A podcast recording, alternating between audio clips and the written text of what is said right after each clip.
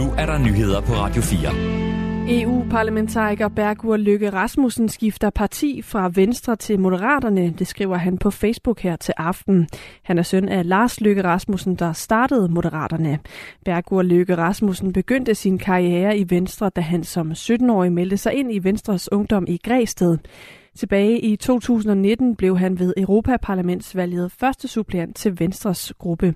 Efter at Søren Gade blev valgt til Folketinget i forbindelse med det seneste folketingsvalg i november, forlod han EU-parlamentet, og Bergur Lykke Rasmussen fik dermed fast plads i Bruxelles.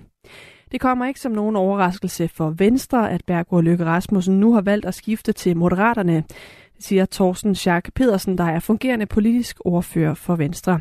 Men sådan er politik, og nu handler det om at se fremad, og vi har med tre parlamentsmedlemmer stadig en stærk gruppe, der vil kæmpe for Danmarks interesser i Europaparlamentet, lyder det fra Torsten Schack Pedersen. 75.000 ansatte i hotel- og restaurantbranchen kan se frem til lønstigninger de næste to år. Det er resultatet af en netop indgået overenskomst mellem 3F, Horeste og Dansk Erhverv. Det skriver parterne i en pressemeddelelse her til aften.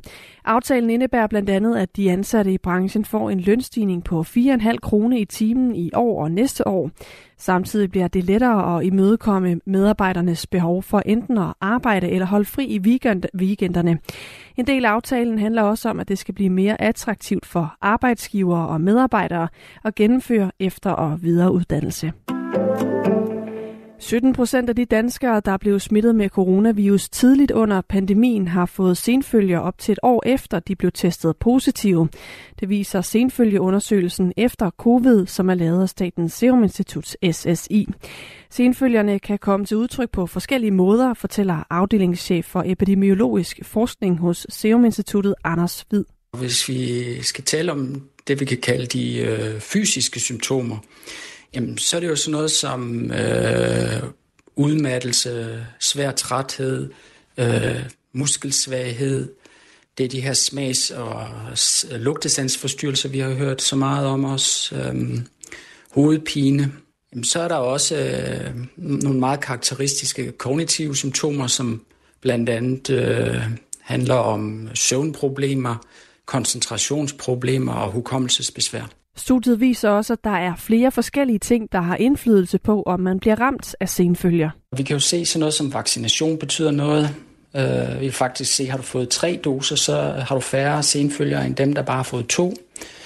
Vi, vi kan se, at varianterne betyder noget. Altså de tidlige varianter fra starten af pandemien, og så den her delta-variant, de er forbundet med at have flere senfølger end den senere variant, omikron-varianten.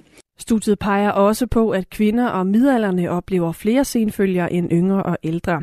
Samtidig betyder det også noget, om man havde en kronisk sygdom, inden man blev smittet. Flere end 840.000 borgere i Danmark har deltaget i undersøgelsen, og det gør den til den største af sin slags i verden. Næsten 100 personer har mistet livet i Malawi i forbindelse med den tropiske storm Freddy, der ramte det østafrikanske land i weekenden. Det oplyser Malawis Ministerium for Katastrofehåndtering ifølge Reuters. Dødstallet er steget løbende i løbet af i dag, og forløbig er det opgjort til 99. Ifølge World Meteorological Organization er Freddy en af de kraftigste storme, der nogensinde er registreret på jordens sydlige halvkugle. Både truslen fra cyberspionage og cyberkriminalitet er meget høj mod Grønland. Det viser en ny vurdering, som Center for Cybersikkerhed har udarbejdet, og som er den første af sin slags. I en pressemeddelelse om trusselsvurderingen bliver Rusland og Kina nævnt flere gange som interesseret i Grønland. Grønland har en helt central rolle i Arktis, og cyberspionage er desværre et middel, som både Rusland og Kina kan anvende til at fremme deres handlemuligheder og interesser i området, potentielt på bekostning af grønlandske interesser, siger fungerende forsvarsminister Troels Lund Poulsen. Grønlands landstyreformand Mute B. Ede siger, at der i de sidste par år har været et stigende antal cyberangreb i Grønland, både cyberspionage og cyberkriminalitet. I nat får vi mest skyet vejr med regn mange steder, temperaturer mellem 5 og 8 grader, og så får vi en frisk vind til cooling fra sydvest. I morgen starter skyet med regn mange steder, men i løbet af dagen opklaring til lidt eller nogen sol, men også enkelte slud eller snebyer. 1-5 graders varme kan vi få i morgen. Det var nyhederne her på Radio 4 med Anne Philipsen.